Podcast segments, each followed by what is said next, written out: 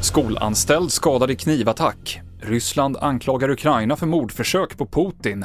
Och billigaste bensinen på fyra månader. Det handlar om i TV4-nyheterna. Ja, en i personalen skadades lindrigt när han försökte stoppa en knivbeväpnad ung man på en skola i Vällingby i västra Stockholm nu på eftermiddagen.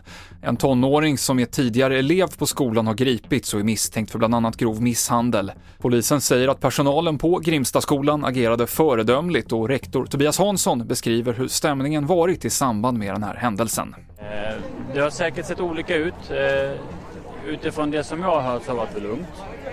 Eh, men jag kan tänka mig att det kanske har varit väldigt oroligt i klassrummen, såklart. Eh, jag har också sett elever i samband med att eh, poliser gått ut och säkrat området som varit oroliga. Ryssland hävdar att man avvärjt en drönarattack mot Kreml den gångna natten och kallar det för ett attentatsförsök från Ukrainas håll i syfte att mörda Vladimir Putin, något som Ukraina förnekar.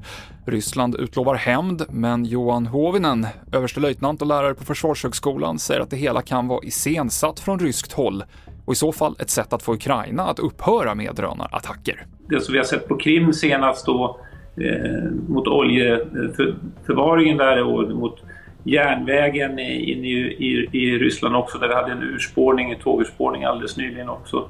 Så att det här skulle kunna vara ett sätt att försöka få stopp från att, att väst ska påverka Ukraina att upphöra med de här attackerna. Johan Hovenen på Försvarshögskolan. Och det blev prisfall på drivmedel idag efter att råoljepriset gått ner rejält på världsmarknaden.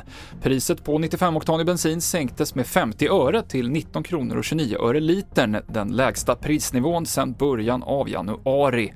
Och dieselpriset sänktes samtidigt med 35 öre, en liter kostar nu 20 kronor och 76 öre.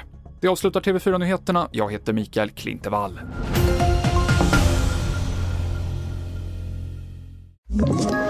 Ett poddtips från Podplay.